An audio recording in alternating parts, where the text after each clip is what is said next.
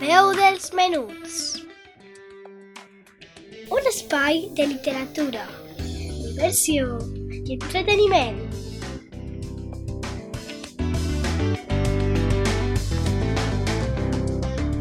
Amb Laia Esteve.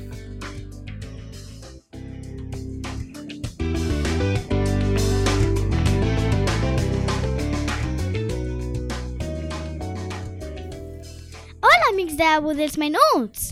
Benvinguts un dissabte més a aquest espai de la teua ràdio. Com heu passat la setmana?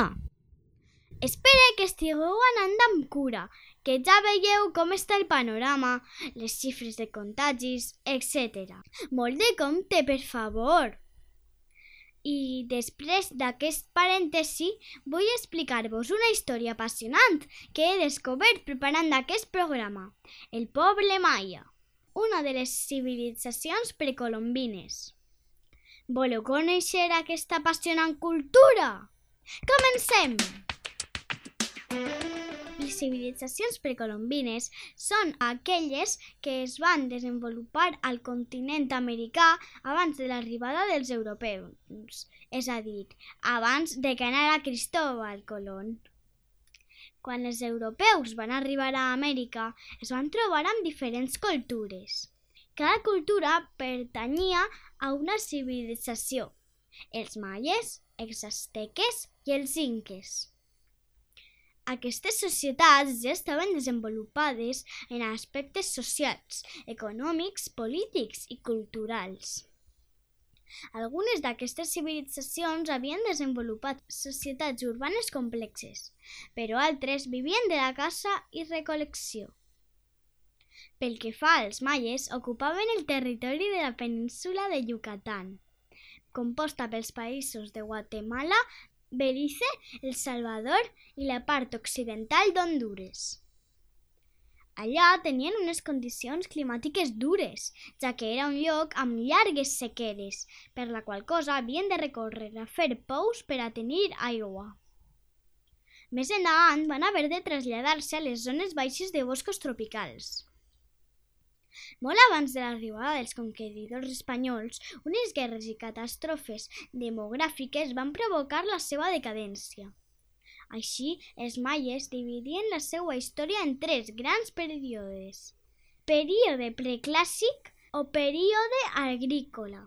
Període clàssic, també anomenat període teocràtic, i període postclàssic. Aquesta civilització va desaparèixer en el segle IX a causa de dues catàstrofes. Una va ser que els pobles nòmades procedents del nord del continent americà van invadir l'imperi maia. I la segona causa va ser que els governants volien pujar els impostos als camperols, per la qual cosa va provocar que els camperols abandonaren les terres.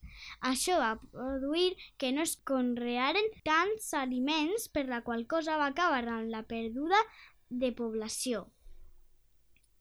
Els maies adoraven a molts déus i també creien en les forces de la natura. Solien fer purificacions mitjançant les danses, les oracions i els sacrificis, com a ofrenes d'aliments o matant animals, o fins i tot persones. Mare meua! Les cerimònies religioses es celebraven fora de les piràmides, que eren els seus temples, els quals encara es poden visitar i admirar. De fet, a l'època postclàssica es van crear monuments molt importants, com ara el temple de Chichen Itza i Tultum. Sabeu una cosa curiosa? Els maies ja havien descobert el moviment del Sol, dels planetes i dels astres uns mil anys abans que Copèrnic. Tenien uns coneixements astronòmics molt avançats. Ells van desenvolupar la primera escriptura jeroglífica del continent americà i els seus coneixements científics eren molt avançats.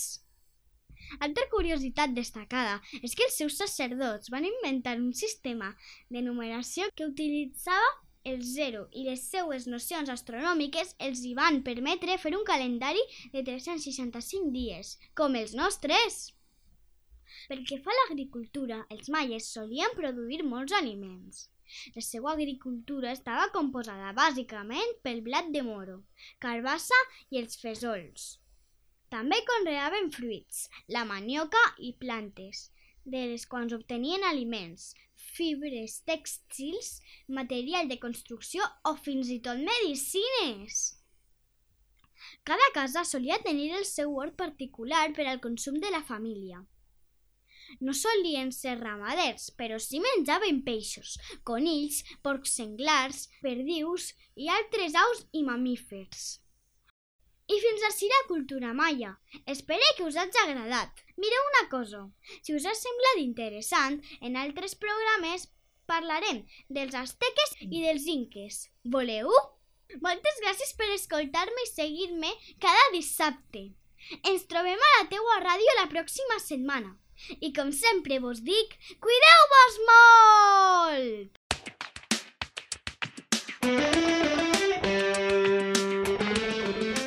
La veu dels menuts. Un espai de literatura, diversió i entreteniment.